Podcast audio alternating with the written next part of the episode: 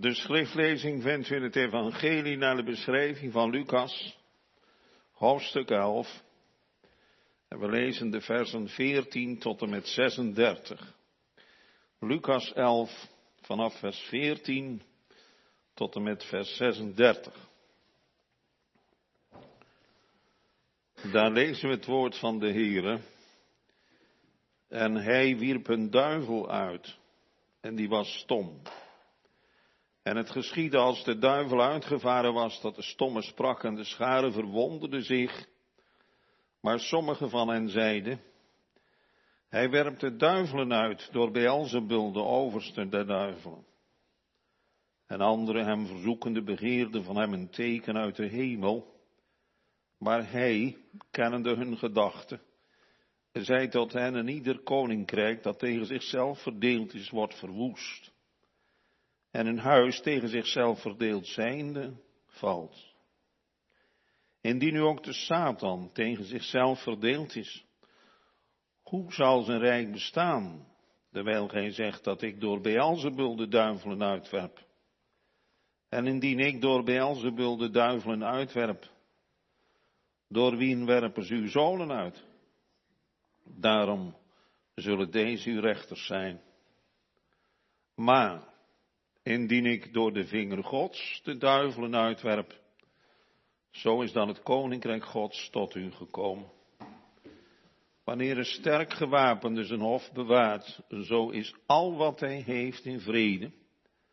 Maar als een daarover komt die sterker is dan hij en hem overwint, die neemt zijn hele wapenrusting daarop vertrouwde en deelt zijn roof uit. Wie met mij niet is, die is tegen mij. En wie met mij niet vergadert, die verstrooit. Wanneer de onreine geest van de mens uitgevaren is, zo gaat hij de dorre plaatsen zoekende rust en die niet vindende zegt hij, ik zal weerkeren in mijn huis, daar ik uitgevaren ben en komende vindt hij het met bezemen gekeerd en versierd. Dan gaat hij heen en neemt met zich zeven andere geesten, bozer dan hij zelf is. En ingegaan zijnde wonen zal daar. En het laatste van die mens wordt erger dan het eerste. En het geschiedde als hij deze dingen sprak, dat een zekere vrouw, de stem verheffend uit de schare, tot hem zei, zalig is de buik die u gedragen heeft, en de borsten die gij hebt gezogen. Maar hij zei, ja, zalig zijn degenen die het woord Gods horen en het bewaren. En als de schade dicht bijeen vergaderde, begon hij te zeggen, dit is een boos geslacht. Het verzoekt een teken en het zal geen teken gegeven worden dan het teken van Jonas de profeet.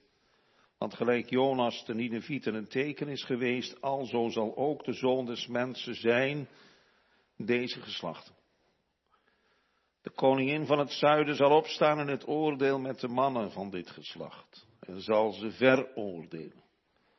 Want zij is gekomen van de einde der aarde om te horen de wijsheid van Salomo. En ziet, meer dan Salomo is hier. De mannen van Nineveh zullen opstaan in het oordeel met dit geslacht en zullen het veroordelen want ze hebben zich bekeerd op de prediking van Jonas. En ziet, meer dan Jonas is hier. En niemand die een kaars ontsteekt, zet die in het verborgen nog onder een korenmaat, maar op een kandelaar, opdat degenen die inkomen het licht zien mogen. De kaars van het lichaam is het oog. Wanneer dan uw oog eenvoudig is, zo is ook uw hele lichaam verlicht. Maar zo het boos is, zo is ook uw hele lichaam duister. Ziet dan toe dat niet het licht het welk in u is duisternis zij. Indien dan uw lichaam geheel verlicht is, niet hebbende enig deel dat duister is, zo zal het geheel verlicht zijn. Gelijk wanneer de kaas met het schijnsel u verlicht. Amen.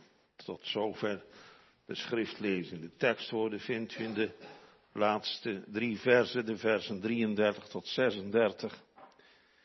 Deze woorden, niemand die een, een kaars ontsteekt, zet die in het verborgen, nog onder een korenmaat, maar op een kandelaar, opdat degenen die inkomen het licht zien mogen.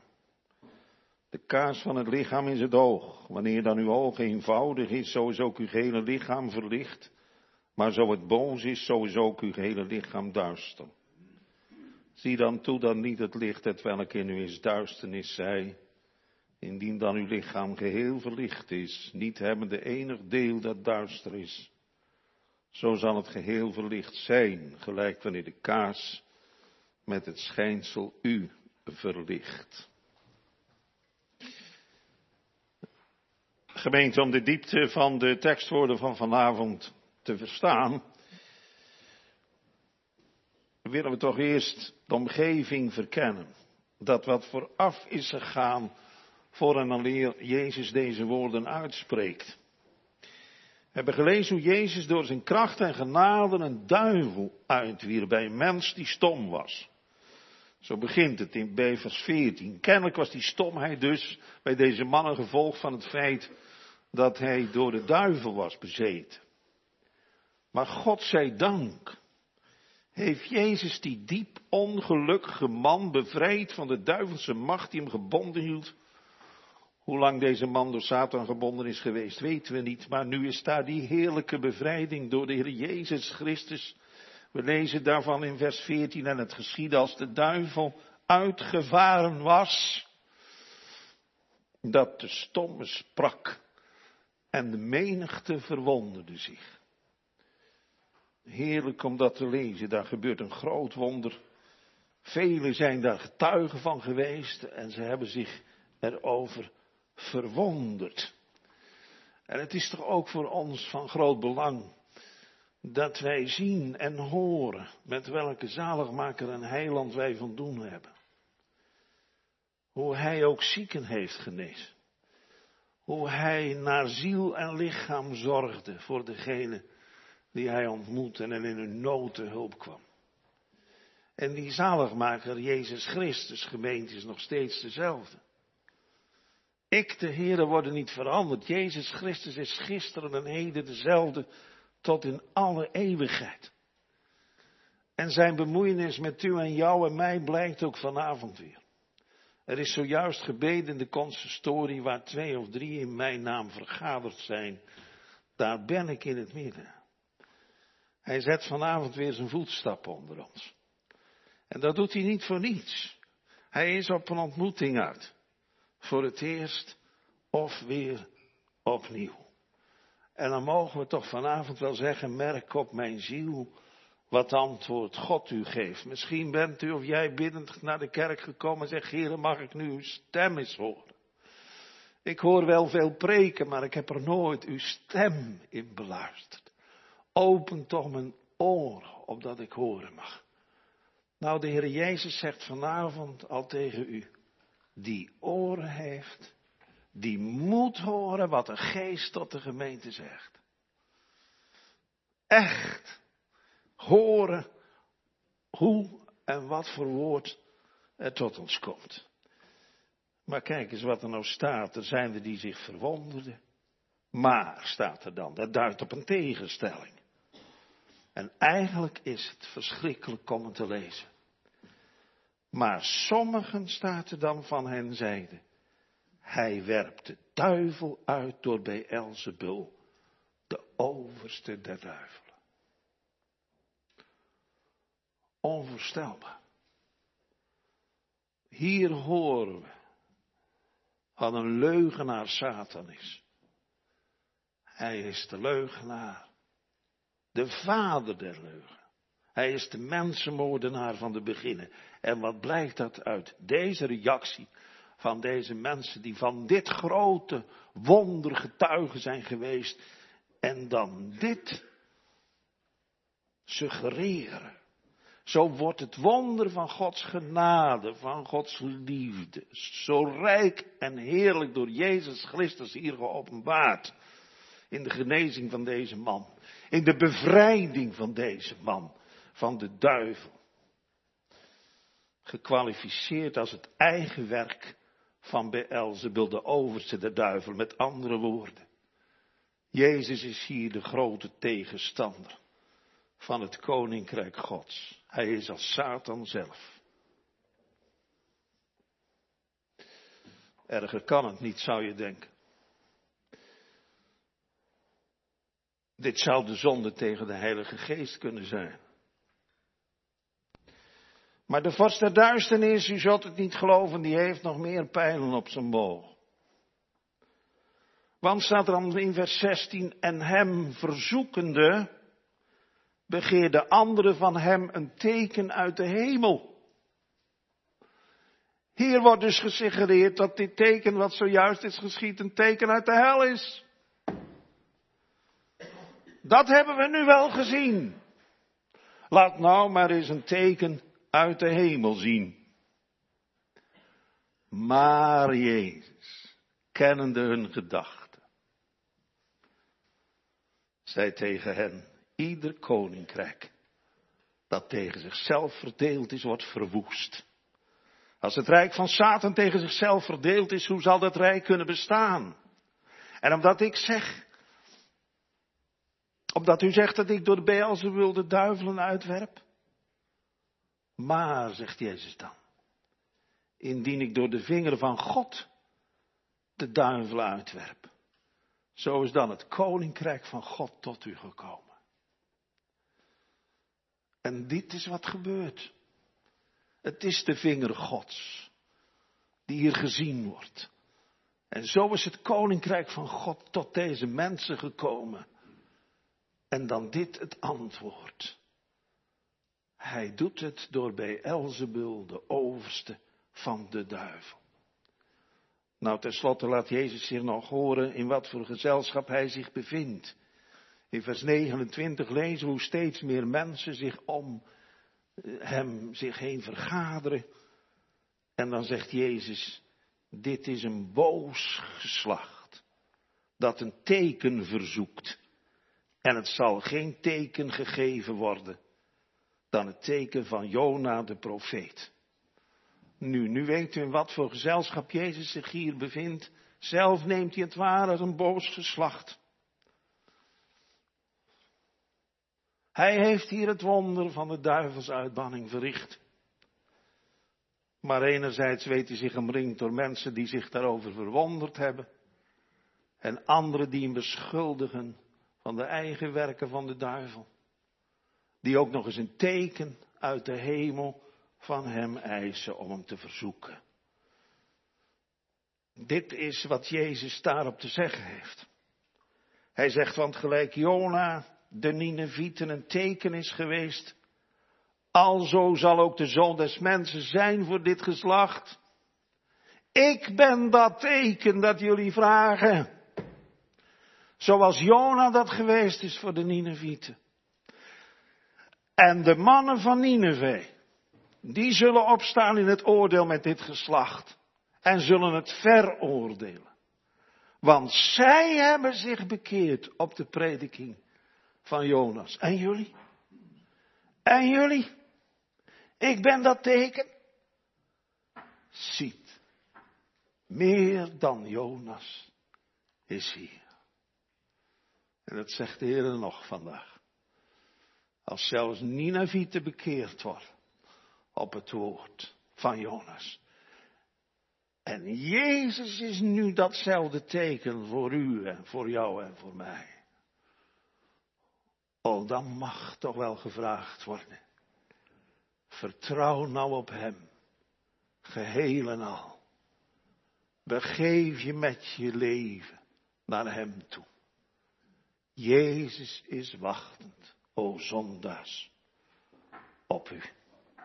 Ja, want het is wat geweest, die Jonas, die had helemaal geen zin, dat weet u wel, om naar Nineveh te gaan. Hij ging precies de andere kant uit, daar begon het al mee. En als uiteindelijk dan toch de reis naar Nineveh gemaakt is, dan gaat hij tegen zijn zin preken dat Nineveh over veertig dagen zal worden omgekeerd. Maar ze hebben zich wel in zak en as bekeerd. En dan komt het beeld van de koningin van Sheba. die moest ook een verre reis maken om naar Salomo te komen, om zijn wijsheid te zien en te horen. En nu hebben we Jezus. Het teken. Die heeft ook een verre reis gemaakt. Hij is uit de hoge hemel neergekomen. Om te zoeken en zalig te maken dat wat verloren is. En daar is hij hiermee bezig. Deze man heeft hij net van de duivel verlost. Is dat zalig maken of niet? Hij heeft hem van het hoogste kwaad gebracht tot het hoogste goed. En nu komt deze Jezus vanavond tot ons.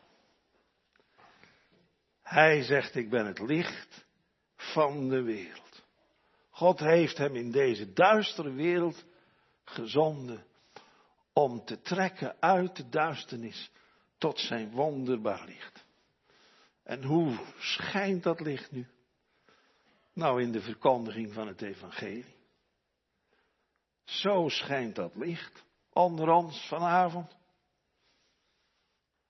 Hoe nog meer? In de bediening van de sacramenten. Daar geeft hij als het ware nog meer licht op de boodschap van het evangelie.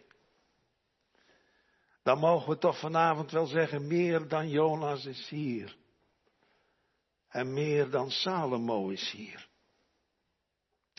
We hebben kerst gevierd. Wat is er gezongen, nietwaar? Vanwege de komst van het licht in deze wereld. Wat heeft Zacharias zich mogen verblijden? Na zijn ongeloof mocht hij in geloof gaan zingen en toen ging hij zelfs profetisch zingen. Ik hoor die melodie nog. Ik hoor die woorden nog. We hebben het zojuist nog maar een keer gezongen. Maar zing het nou eens met het oog op wat er hier allemaal gaande is. En dan te zingen en dan te horen. Dus wordt des Heeren volk geleid door het licht dat nu ontstoken is. En dan die wondere woorden tot kennis van de zaligheid in hun schuldvergiffenis. Dat het daar de Heer nu om begonnen is. Om die zonde van u en van jou en van mij weg te nemen. Voor eeuwig en altijd. Zo volkomen als had ik nooit geen zonde gehad of gedaan. Vandaar dat hij zingt die nooit in schoner glans verscheen. Kun je het nog heerlijker voorstellen? Dan nu door Gods barmhartigheid. Die met ons lot bewogen. En dan komt het weer om ons van zonde en ongeval te ontslaan. Een ster in Jacob op doet gaan, de zon des heils doet aan de kimmen staan. Zo wil hij u en jou mij beschijnen, opdat we uit de duisternis getrokken zouden worden tot zijn wonderbaar licht en in het licht van hem zouden wandelen.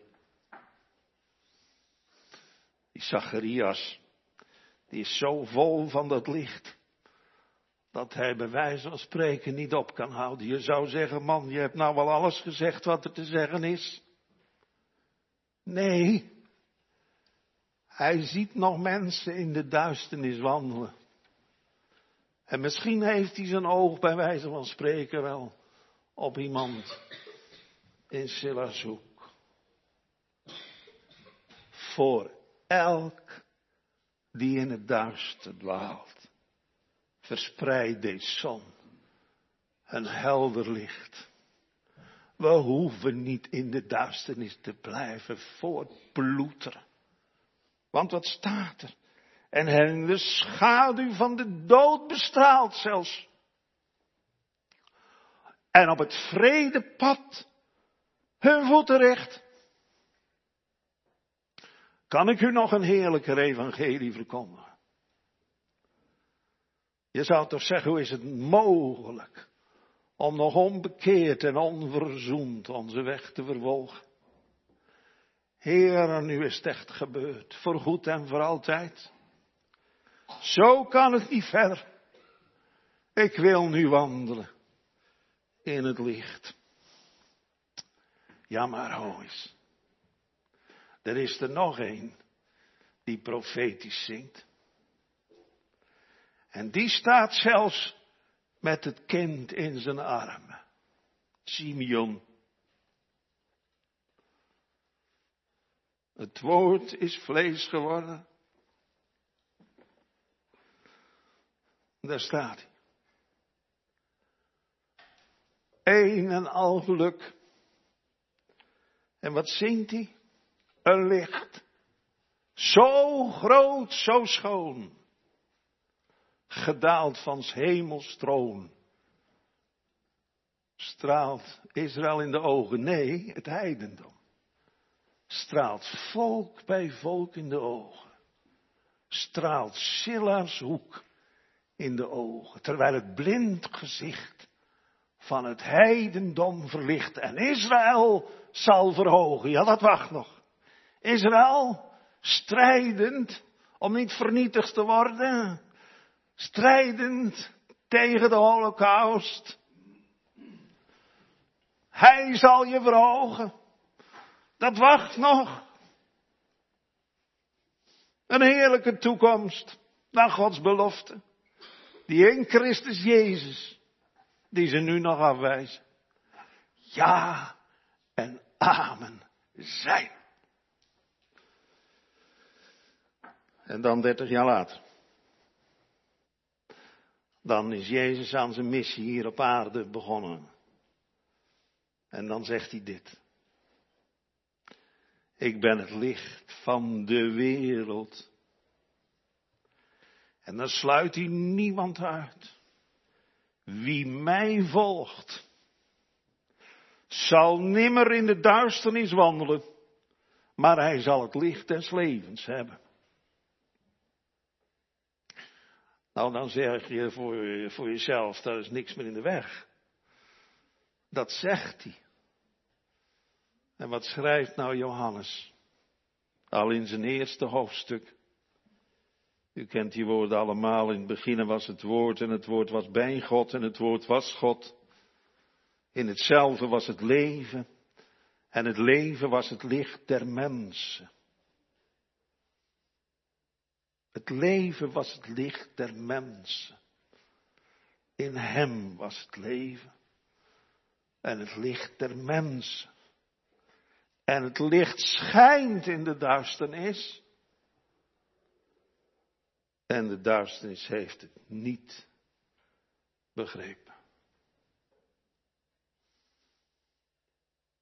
En om deze woorden gaat het nu in onze tekst worden.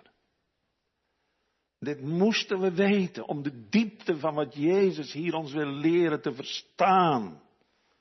En dan gebruikt Jezus een heel eenvoudig beeld. Dan zegt hij niemand die een lamp of een kaas aansteekt, zet hij in het verborgen. En ook niet onder een korenmaat. Maar op de standbaard, opdat zij die binnenkomen, op de kandelaar, het licht kunnen zien. En let nou vooral eens op dat woordje niemand ook. Niemand is dus echt niemand. En, en dat is wat Jezus wil zeggen. Jezus zegt hier, zou ik nou doen wat werkelijk niemand doet? Namelijk een licht ontsteken en dan vervolgens dat licht in het verborgen plaatsen. Op een plaats waar niemand dat licht te zien krijgt. Jezus zegt, je zet toch een kaars toch niet onder een korenmaat?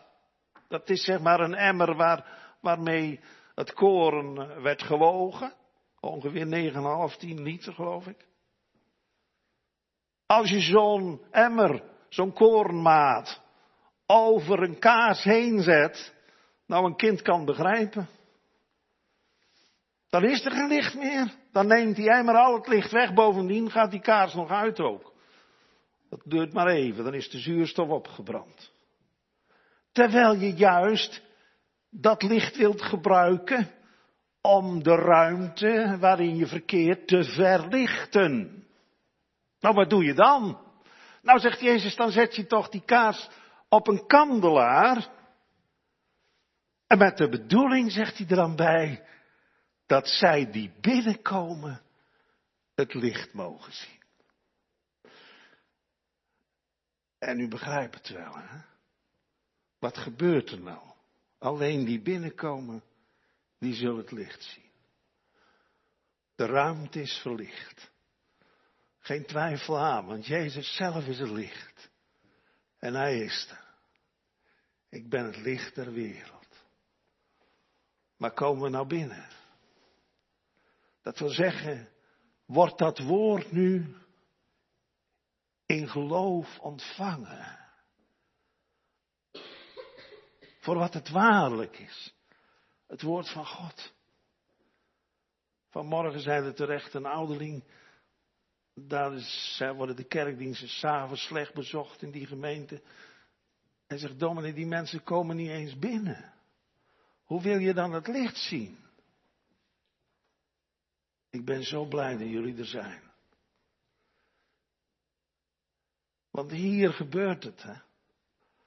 Hier gaat het licht op in de duisternis van je verloren leven. En dat licht is de Heer Jezus zelf. En daarom is het zo heerlijk als er over Hem wordt gepreekt. Als het goed is, zit je daar altijd maar op te wachten. Op Hem. Opdat die ontmoeting er zal komen. Voor het eerst en weer opnieuw. Weet u wat je, je, uh, Jezus zegt in Johannes 9? Dat is, ja, ik had die tekst eigenlijk nog nooit gezien. Ja, ik zou hem wel gezien hebben, maar het is niet doorgedrongen. Dat, laat ik het zo maar zeggen. Daar zegt Jezus, zolang ik in de wereld ben, ben ik het licht van de wereld. Mooi hè? Zolang die in de wereld is, is die het licht. Hij is in de wereld. Ja, hij is wel met zijn lichaam naar de hemel gevaren, maar u weet het, met zijn geest en met zijn woord, zo heeft hij beloofd, wijkt hij nimmer meer van ons. Hij is erbij. Hij doet zijn naam eer aan. Ik ben die ik ben. En die heiland mogen wij u in jou prikken. En het is zo goed om hem te geloven op zijn woord. Hij is de waarheid zelf. Hij is zo betrouwbaar. Hij stelt nooit teleur. En daarom, als nou dat licht vanavond hier mag branden, in het licht der wereld, Jezus zelf, Oh, dat we dan vanuit de duisternis zullen vluchten. Weet je wat nou zo mooi is, dat er ook nog in de schrift staat? Dat we getrokken worden uit de duisternis tot zijn wonderbaar licht. Voel je de trekkracht van het woord? Hoe hij met de koorden van goedertierenheid je uit die duisternis wil trekken en dat ook daadwerkelijk doet en de weerstand gebroken wordt. Zodat hij het ervaren gaat dat hij een gewillig volk heeft op de dag van zijn heerkracht. U weet het, hij is in de eerste plaats bestemd geweest voor het volk van Israël. Wat ook van dat volk wordt gezegd, het volk dat in duisternis wandelt, zal een groot licht zien. Jezus past dat zelf ook toe op het Galilea der heidenen, waar hij zich notabene vestigde, dat weet u. Hij heeft er gewoond heel zijn leven, dertig jaar lang, en dan, als hij dan op zichzelf gaat wonen, dan gaat hij toch weer in dat Galilea der heidenen wonen, in Capernaum. Maar, ik lees in Jesaja 49 dat de Heer te gering was, dat hij alleen de Messias zou zijn van de Joden. Hij is het ook voor de heidenen. Ja, staat er dan nog uitdrukkelijk. Ja, ook voor de heidenen. Volk bij volk, hè? straalt volk bij volk, zo hebben we Simeon horen zingen, in de ogen. En dat dit licht niet door iedereen gezien wordt, dat mag toch wel duidelijk zijn. Dat is niet omdat dit licht voor sommigen verborgen wordt gehouden. Nee, integendeel, Jezus laat naar alle kanten dat licht schijnen. Door die dagelijkse verschijning hier in Israël. Voor een ieder was er elke dag de gelegenheid om hem te zien en te horen. Iedereen kon zijn prediking horen, iedereen kon zijn wonderen zien gebeuren. Van alles heeft hij gedaan. Zo heeft dat licht geschenen als nooit tevoren. En iedereen is in de gelegenheid geweest om dat licht te zien. En zo ook nu. Nu verspreidt dat licht zich ook in de verkondiging van zijn woord en in de bediening van de sacramenten en ook in de wondertekenen die hij vandaag nog doet. Ook in u en jou en mijn persoonlijk leven. Ik heb mezelf afgevraagd bij de voorbereiding van de preek. Joh, welke wonderen heeft God in jouw leven gedaan? Nou, het grootste wonder is wel geweest dat hij mij van dood levend gemaakt heeft. Dat is het grootste wonder geweest. En van blindziende.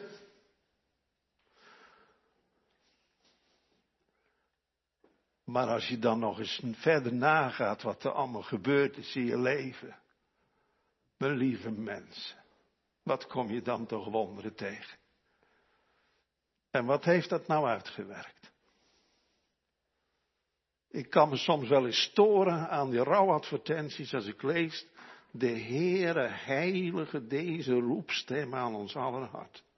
Dan denk ik, oh, oh, oh, oh, is dat nou de enige roepstem? Als er iemand sterft in de familie. Wat is er al niet gebeurd? Aan wondertekenen in je hart en in je leven. Die keer dat je dacht, oh, dat je misschien wel bijna ja, een aanrijding kreeg met catastrofale gevolgen. Ik weet zelf hoe ik bijna verdronken ben in mijn leven, als kind van zes jaar. Dat ik nu nog weet wat er toen door mijn hoofd ging. Denk ik verdrink. Ik verdrink. Ja. En ik verdronk niet. En dan ben ik 77 jaar, dan sta ik hier nog te preken. Dan ben je toch een wonderteken, of niet? Maar ziet het dan ook. En denk dan aan je eigen leven, hoe je daarmee omgaat. Want er is al zoveel gepasseerd. En wat heerlijk als je de hand van God daarin mag opmerken. Als je die sturende en die begeleidende genade van de Heer Jezus Christus mag ervaren in je leven. De Heer is mijn heil en mijn licht. Wie zou ik vrezen en voor wie zou ik vervaard zijn? Nou, vers 33 verschaft hier duidelijkheid hoe het komt dat er zijn die het licht niet zien. Hier staat er dat zij die binnengaan het licht zien. Dat zijn dus allen die dat woord ontvangen. Als gesproken door de Heer. Tot u, tot jou en mij. Maar als het ook weer aan ons voorbij gaat. We horen het en we horen het niet. Waar ligt dan de schuld? Dit licht komt toch in Israël niet helderder schijnen als dat het geschenen heeft. Het mankeerde toch niet aan het licht. Nee, het mankeerde aan het oog. En dat wordt ons dan duidelijk voorgesteld in vers 34. De kaars van het lichaam is het oog. Wanneer uw oog eenvoudig is, zo is ook uw hele lichaam verlicht. Maar zo het boos is, zo is ook uw hele lichaam duister. U merkt wel, Jezus blijft voortborduren op het beeld van de kaars. En dan zegt hij, de kaars van het lichaam is het oog. Dat oog is bestemd om het lichaam te verlichten. Nou, u weet het, een kaars geeft van zichzelf geen licht. De kaars moet je aansteken. Dat gaat dus van buitenaf gebeuren. Dan gaat de kaars branden en dan gaat de omgeving om die kaars heen verlicht wordt. Nou, zo is het ook met het oog, zegt Jezus. Dat oog zelf verschaft geen licht. Dat moet licht ontvangen. Ook het oog is een lichtdrager. Wanneer zien we wat? Doe je ogen eens dicht. Ik zie niks meer. Helemaal niks. Nou, dat gebeurt s'nachts. Je ziet niks. Als de zon weg is, zie je niks meer. Dan hebben wij nog wat kunstlicht, maar u weet, als er helemaal geen kunstlicht is, zie je niks. Is de aarde donker, zeggen we dan. Dan heb je wel ogen, maar wat heb je eraan? Maar zodra het licht wordt, dan ontvangt mijn oog licht. En dan, ja, dan wordt alles licht om me heen. Dan zie ik alles, vaak tot in die finesses toe. En dan hebben we zelfs twee ogen om nog maar des te beter te kunnen zien. Dat oog is ervoor gemaakt om door de zon verlicht te worden, zodat ik het licht kan zien. En nou gaat Jezus dat toepassen op het geestelijk zien. Zoals Zacharias dat ook al heeft gedaan in zijn lofzang. Zo wordt het Heere volk geleid door het licht dat nu ontstoken is, tot kennis van de zaligheid in hun schuldvergiffenis. En met dat oog op het geestelijke zien spreekt Jezus hier nu over het menselijk oog dat vergeleken wordt met een kaars. En dan zegt hij wanneer uw oog eenvoudig is. Dat wil zeggen wanneer uw oog goed is, wanneer uw oog goed gezond is, goed functioneert. Wanneer dat oog werkelijk dat licht tot zich kan nemen. Als dat goed is, dan kun je alles zien. Ja, meer nog, zegt Jezus. Dan is ook je hele lichaam verlicht. Met andere woorden, dan wordt het innerlijke van de mens ontvankelijk gemaakt. Dan wordt de inwendige mens geheel door dit licht beschenen.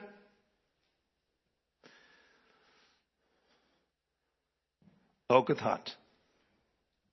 En misschien mag ik wel zeggen juist het hart. Als echt in de Bijbel natuurlijk het centrum van het geestelijk leven in de Bijbel. Daar is de Heer om begonnen. De Heer zegt niet, mijn zoon, mijn dochter, geef mij je lichaam. Hij zegt, mijn zoon, mijn dochter, geef mij je hart.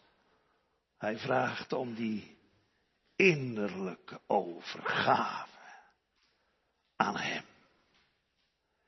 Hij wil er voor u zijn en voor jou. Daartoe ben ik in deze wereld gekomen, niet om de mensen zielen te verderven, maar om ze te behouden. Daarom klop ik nou weer aan de deur van je hart. En als jij die deur open doet, dan kom ik bij jou binnen en dan ga ik gemeenschap met jou houden.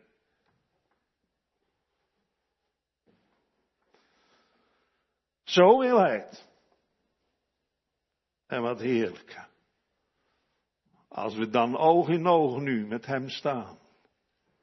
Zoals die vanuit de prediking ons voor de ogen wordt geschilderd in die bereidwilligheid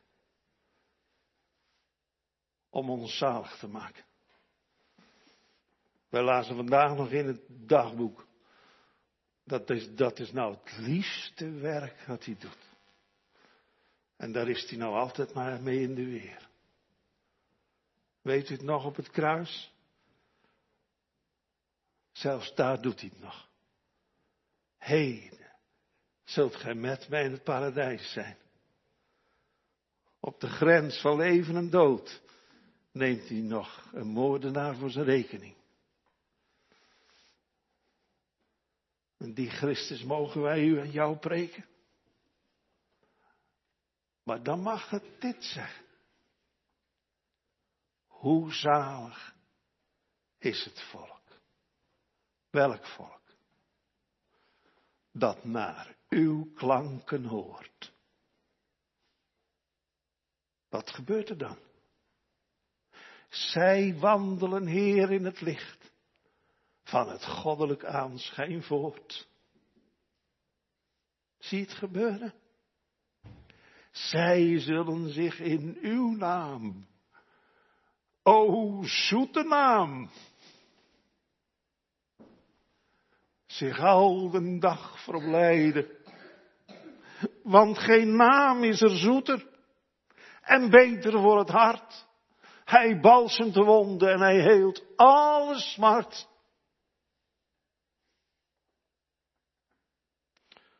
Dan dwalen we niet meer als een blinde over de wereld. Maar dan worden we door het goddelijk licht geleid. Dan wandelen we in het licht met Jezus. Maar hoe anders? Hoe anders is het wanneer het is zoals hier staat, maar zo uw oog boos is. We hadden het nu over dat gezonde oog, nietwaar? Dat ontvankelijk is voor het licht. Maar zo uw oog boos is, zo is ook uw hele lichaam duister. Dan is alles wat ik zojuist geschetst heb, voor u en voor jou, voor ons totaal onherkenbaar. Heeft me niks te zeggen. Ik word ook niet gaande gemaakt. Ik word er zelfs niet warm of koud van. Weet u wat de Heer dan zegt? Och, of gij koud waart. Of heet. Maar omdat gelauw zijt, zo zal ik u uit mijn mond spuwen. Hoe kan het toch zijn? Zo nabij. Want uw naam, zo rijk van eer, is tot onze vreugde nabij. We hoeven in de hemel op te klimmen, we hoeven in de afgrond neer te dalen. Nabij u is het woord in uw mond en in uw hart. Daar gaan we zo nog wat over zeggen. Hoe komt het openbaar hier? Hè? Want de ogen waren boos van deze mensen die Jezus voor een duivel hielden. Voor de overste van de duivelen. Voor de Satan zelf. En die nog een teken uit de hemel begeerden. Het boos en overspelig geslacht verzoekt een teken. Een mens die een boos oog heeft, die kan de genade en de liefde Gods niet verdragen. Dat kan vergaan. Ik heb van een collega predikant ooit gehoord. Toen hij het over evangelie had in de kerkraadskamer tijdens een kerkraadsvergadering. Dat een ouderling zo woest werd dat hij de Bijbel naar hem toe gooide. Hier, jij met je evangelie. Onvoorstelbaar. Zo kan de vijandschap ook in het hart van een godsdienstig, quasi-godsdienstig mens, moeten we dan zeggen, leven. De mens die de zonde lief heeft en de duisternis en de leugen, die wil van genade niet leven. Gaat nog anders zeggen, die wil van de liefde niet leven. Want wat verbreekt ons hart. Paulus die zegt, terwijl de liefde Gods in onze harten is uitgestort. Zo gebeurt het. De liefde verbreekt het meest harde hart. En zodra er iets van dat licht verschijnt, van Gods liefde in onze harten, dan ja, dan wordt dat hele lichaam verlicht. Kind van God, hier en met ons verbonden. Weet je het nog? Weet je het nog? Toen dat licht werkelijk vat kreeg op je hart en leven. Dat je ook van binnen zag hoe het eruit zag. En dat je daar niet meer langer mee kon doen. Dat je ging verlangen naar dat nieuwe leven. Dan gaan we wandelen in het spoor van de Heere zelf. Ik zet mijn treden in uw spoor. Opdat mijn voet niet uit zal glijden, wil mij verstruikelen bevreden. En ga mij met uw heiligt voor. Zodra de waarheid wordt gehoord, dan worden de treden op het spoor van Jezus gezet. Maar wanneer dat woord verworpen wordt, zo het hart boos is, dan is het lichaam duister en dan blijft het duister. En dan in vers 35 maakt Jezus de toepassing van alles wat hij zojuist over het oog, de kaars en het licht en de duisternis gezegd heeft. Ziet dan toe, zegt hij, dat niet het licht het welk in u is, duisternis zij. Oh, daar waarschuwt hij toch ook weer voor wat hij al gezegd heeft eerder. Dat eerst die boze geest, die gaat eruit. En na verloop van tijd komt hij terug. En dan zet hij alles weer eens netjes op zijn plek. En dan gaat hij nog geesten halen die nog boze zijn. En ja, dan is het helemaal een verloren zaak. Maar Jezus waarschuwt daarvoor. Jezus heeft, en ik zei dat ik nog terug zou komen op de functie van het woord, in het binnenste, in het hart. U kent allemaal de gelijkenis die Jezus vertelt over het zaad. En dat zaad dat valt op verschillende plekken. Het wordt bij de weg gezaaid.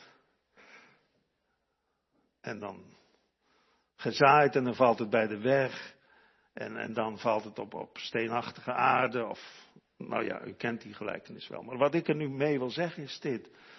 Als het gaat om dat zaad dat gezaaid wordt, dan zegt Jezus dat zaad is het woord van God dat gezaaid wordt in het hart. En daar zie je dus eigenlijk hetzelfde terug als wat hier bedoeld wordt. Als dat oog verlicht wordt, door de kracht van woord en geest, dan verlicht het het binnenste. Het woord van God dat gezaaid wordt in het hart, dat gaat benedenwaarts wortelen schieten en opwaarts vruchten dragen van geloof en bekering. Of, en dat is in het geval zo bij, dat bij de weg valt, dan komen we weer hetzelfde terug wat hier gezegd wordt. Dan zegt Jezus, die vogels die dat zaad wegpikken gelijk, dat zijn de duivelen.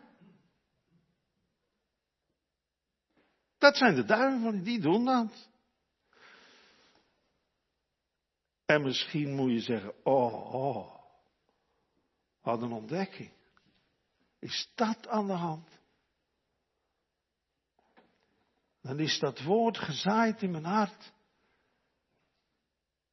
En dat dan de duivel erop uit is om de kracht van dat evangelie gelijk uit je hart weg te nemen. Zorg vooral dat je het niet gelooft. Zorg vooral dat je het niet aanneemt. Terwijl dat het enige middel is waardoor het contact met God tot stand komt. Dat dat woord ontvangen wordt als het woord van God en gekoesterd wordt. Ik heb het zelf uit zijn mond gehoord. Zo. Zo luister. En dan, ja, dan, dan wordt het alles anders. Dan is wat er hier gebeurt, dan wordt het lichaam verlicht. Mijn woord is als een licht dat in u is. Nou, hoe heerlijk is het wanneer dat licht in ons hart en leven ontstoken is. Dan weten we hoe het was. Dat zegt Jezus ook tegen de Efeziërs. Eertijd, zegt hij, waart gij, of uh, Paulus, eertijd waart gij duisternis. Maar nu zijt gij licht. En dat vind ik zo mooi. In de Heer. Laat dat vooral staan. Hè. Licht in de Heere. Zodra de Heer ons oog verlicht en het binnenste, dan is ons hele lichaam verlicht. Dan gaan we het ervaren In uw licht zien wij het licht. En dan spelen woord en geest een centrale rol. Vandaar dat ik ook Psalm 43 heb laten zingen. Zend Heer uw licht en waarheid neder. En hoe er dan over gesproken wordt, over die waarheid. Dat is de trouw van God. En breng mij door die glans geleid. Wat een heerlijk beeld wordt ons daarin geschetst, tot uw gewijde tenten weder. Ons oog wordt verlicht. Ons verstand wordt verlicht. Geef mij, denk maar aan de psalmen, geef mij verstand met goddelijk licht bestraald. En dan wordt dat woord een lamp voor onze voet en licht op ons pad. Ik herinner me nu, u zal u of jou niks zeggen, maar wij kregen destijds een college van professor Gilles Quispel. Die kon heel boeiend colleges geven. En ik weet nog heel goed dat hij op een keer zei tegen ons als studenten, mijn heren, wilt u eraan denken dat het woord een lamp is voor onze voet en een licht op ons pad. Hij zegt, dan moet u niet aan dat licht denken, maar dan moet u denken aan een olielampje. Wat hooguit een meter ver straalt. En dan moet u denken aan een stikdonkere wereld in die tijd waar geen straatverlichting was. En waar ook geen welgebaande wegen waren. Maar paadjes, geitenpaadjes zouden wij vandaag zeggen.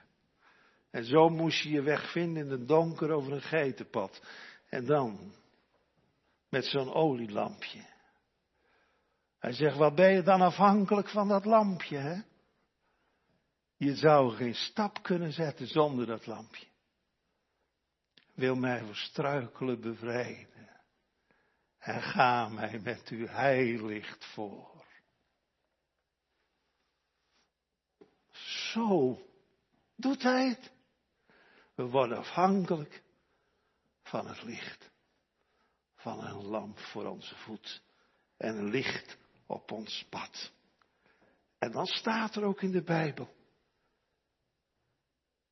Wandel als kinderen van het licht.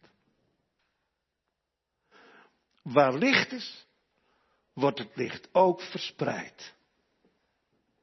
We hebben gezegd dat Jezus zegt, ik ben het licht van de wereld. En wie in mij gelooft, die zal in de duisternis niet wandelen. Er is een gezang dat zingt, ik wandel in het licht met Jezus. En de psalm was, wij, zij wandelen hier in het licht van het goddelijke aanschijnwoord. Maar nu heeft Jezus nog wat gezegd. In de bergreden. En daar gaan we mee eindigen. Dan zegt hij. Gij zijt het licht van de wereld.